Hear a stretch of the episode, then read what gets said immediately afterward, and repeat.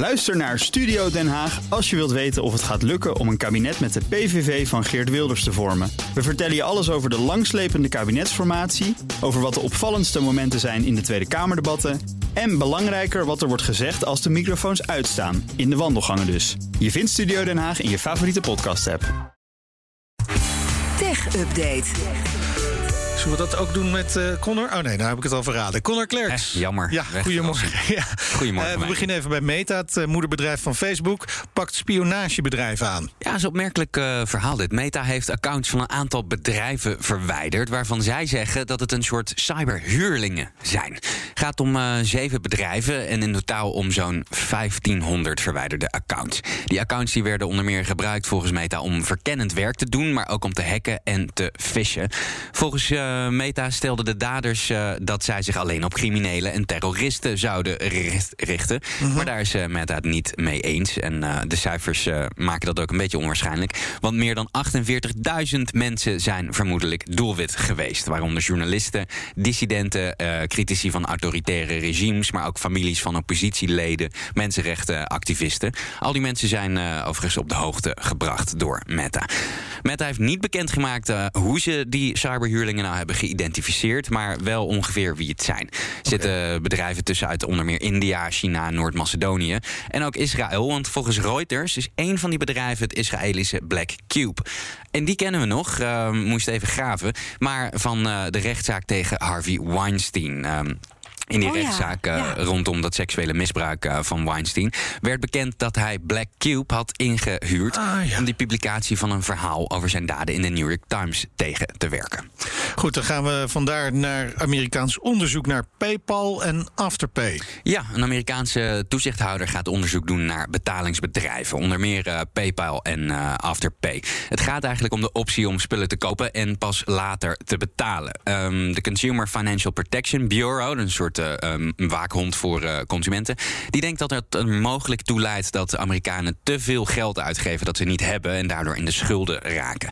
Daarnaast zouden persoonsgegevens van klanten mogelijk ook uh, worden misbruikt door die bedrijven.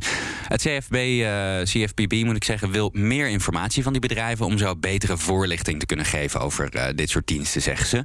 Andere bedrijven die ook worden onderzocht zijn Affirm, Klarna en Zip. Dat zijn allemaal bedrijven die soortgelijke diensten aanbieden. Want die markt voor nu kopen en later betalen, die is uh, wereldwijd, maar zeker in Amerika in de pandemie ja. heel erg snel heel groot geworden. Dan uh, Spotify komt met iets waar podcastluisteraars misschien wel heel blij van worden. Ja, en podcastmakers denk ik uh, ook wel. Het is nieuws van uh, Tweakers vanmorgen. Spotify rolt een uh, nieuwe feature uit. Namelijk een hele simpele sterrenrating kunnen geven voor je podcast. Als je een podcast luistert en je hebt minimaal 30 seconden geluisterd om de botjes tegen te werken, dan kun je een rating geven tussen de 1 en de 5 sterren. En andere gebruikers krijgen een gemiddelde rating te zien. En zo kun je een beetje wat zijn ja. de goede? Kun je, een beetje, ja, ja precies. Ja, kun je dat beter, volgens, uh, beter volgens luisteraars. Eigenlijk is het natuurlijk heel simpel, want alle andere platforms doen dit al langer. Maar bij Spotify is het nieuw, omdat zij natuurlijk niet begonnen zijn als uh, een podcastplatform, maar juist als muziekplatform. Ja, waar je, je kan er normaal helemaal, niks reviewen. Ik, nee, ik hoef ook helemaal niet te weten wat uh, andere mensen vinden van muziek die ik leuk vind. Nee, precies. die rating heb je daar helemaal nee, maar niet nodig. podcast is dat toch al Dit is hele goede muziek. ja, vijf sterren. Nee, maar ik, ik probeer het even te zoeken, maar ik kan het nog niet vinden. Het is nog niet uitgerold. Waarschijnlijk nog niet bij jou, misschien als je app update. oh, oké. Okay. Nou, zullen we dat dan maar snel gaan doen. Connor. De schaal van hebben. Ja. Wat heb je bij je? Want ik zie helemaal niks. Ik heb uh, vandaag uh, even iets heel anders. Uh, ja, je kan onder het bureau kijken, Ja, maar daar wat? ligt het niet. Ik heb geen snoertje bij me, zelfs geen hardware. Nou, lekker is dat. Maar ik heb een, een app die zowel handig is als een app waar ik erg om moest lachen eigenlijk. Ja, gevoelsmatig zitten we nu al een jaar of tien in deze pandemie. En daarbij hoort thuiswerken, een heleboel thuiswerken. Ja.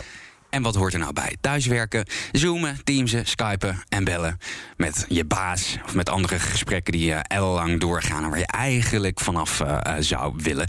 Uh, dat hebben jullie denk ik ook allebei uh, al vaak genoeg meegemaakt. Bellen met de baas. Bellen met de baas en dan zo'n gesprek wat dan uh, door... Oh ja, je bent freelancer natuurlijk. Ja. Oh ja, tegenover met twee freelancers. Nou, ik moet dat af en toe. Maar je hebt ook andere gesprekken die je gewoon een beetje trekken... Saai waarvan je zijn. denkt, uh, ik, ik, wil, ik wil hiervan af. Precies. En daar, eh, daar heeft een eh, Amerikaanse techneut, een ontwikkelaar, Brian Moore, een heel handig appje voor gemaakt. En hij heet Busy Simulator. Ah, en, en hoe werkt de Busy Simulator? Nou, heel makkelijk. Je gaat naar busysimulator.com en daar zie je op eh, je scherm. ja, ik kan er net niet genoeg draaien voor jou om bij, bij te kijken. Maar daar zie je eigenlijk allemaal icoontjes. Google Calendar zie je, Slack, Microsoft Teams, Google Chat, Discord, Apple Mail, Outlook, iMessage, Skype. En ouderwetse trilfunctie van je iPhone. Gewoon alles wat je zo'n beetje Ja. dagelijks gebruikt om je werk een beetje Precies, goed te doen. alle werkapps. En als je nou op een van die eh, icoontjes klikt, zoals Slack, dan hoor je het geluidje van Slack. En je ziet ook sliders daaronder staan met een klein konijntje links, eh, of, eh, of een, eh, een haas eigenlijk. Ja. Die bepaalt de frequentie en hoe snel die achter elkaar komen, die meldingen. Want hij blijft zo eigenlijk gewoon lekker doorlopen. Oh, Zet ik daar nou dus. iets anders bij, iMessage bijvoorbeeld, dan krijg ik de Slack en af en toe een iMessage pingeltje ertussen. Ah ja. En dan doe ik daar nog eventjes Microsoft Teams bij. En als je dan de frequentie op gaat Maar- voeren, doen we er ook nog even Outlook Oh, bij. wacht even. Dan denkt jouw baas dadelijk: Oh Hij jezus, is die druk. is zo druk, die is zo hard aan het werk. Ik moet hem nu acuut met rust gaan laten. En kun je natuurlijk ook gewoon even op stop drukken, want dan eh, worden, worden je luisteraars Of, of, of je baas zegt gewoon tijdens zo'n Teams-meeting van... gast, zet even die Zet even eh, alerts uit, wil je? En dan zeg je: Nee, nee, ik ben geld aan het verdienen. Ik ben geld aan het verdienen voor jou. Hoor je niet hoe productief ik ben? Nou hè, hey. Ja, Ik vind het hartstikke mooi. jij vindt het mooi. Jij gaat het gebruiken? Ik ga het heel vaak gebruiken. Ja, Hij ik hoop dat hij niet luistert. Maar Nee, precies. Maar, ehm, oké. Ja, bij de schaal van hebben hoort natuurlijk een prijs en een eindoordeel. Ja.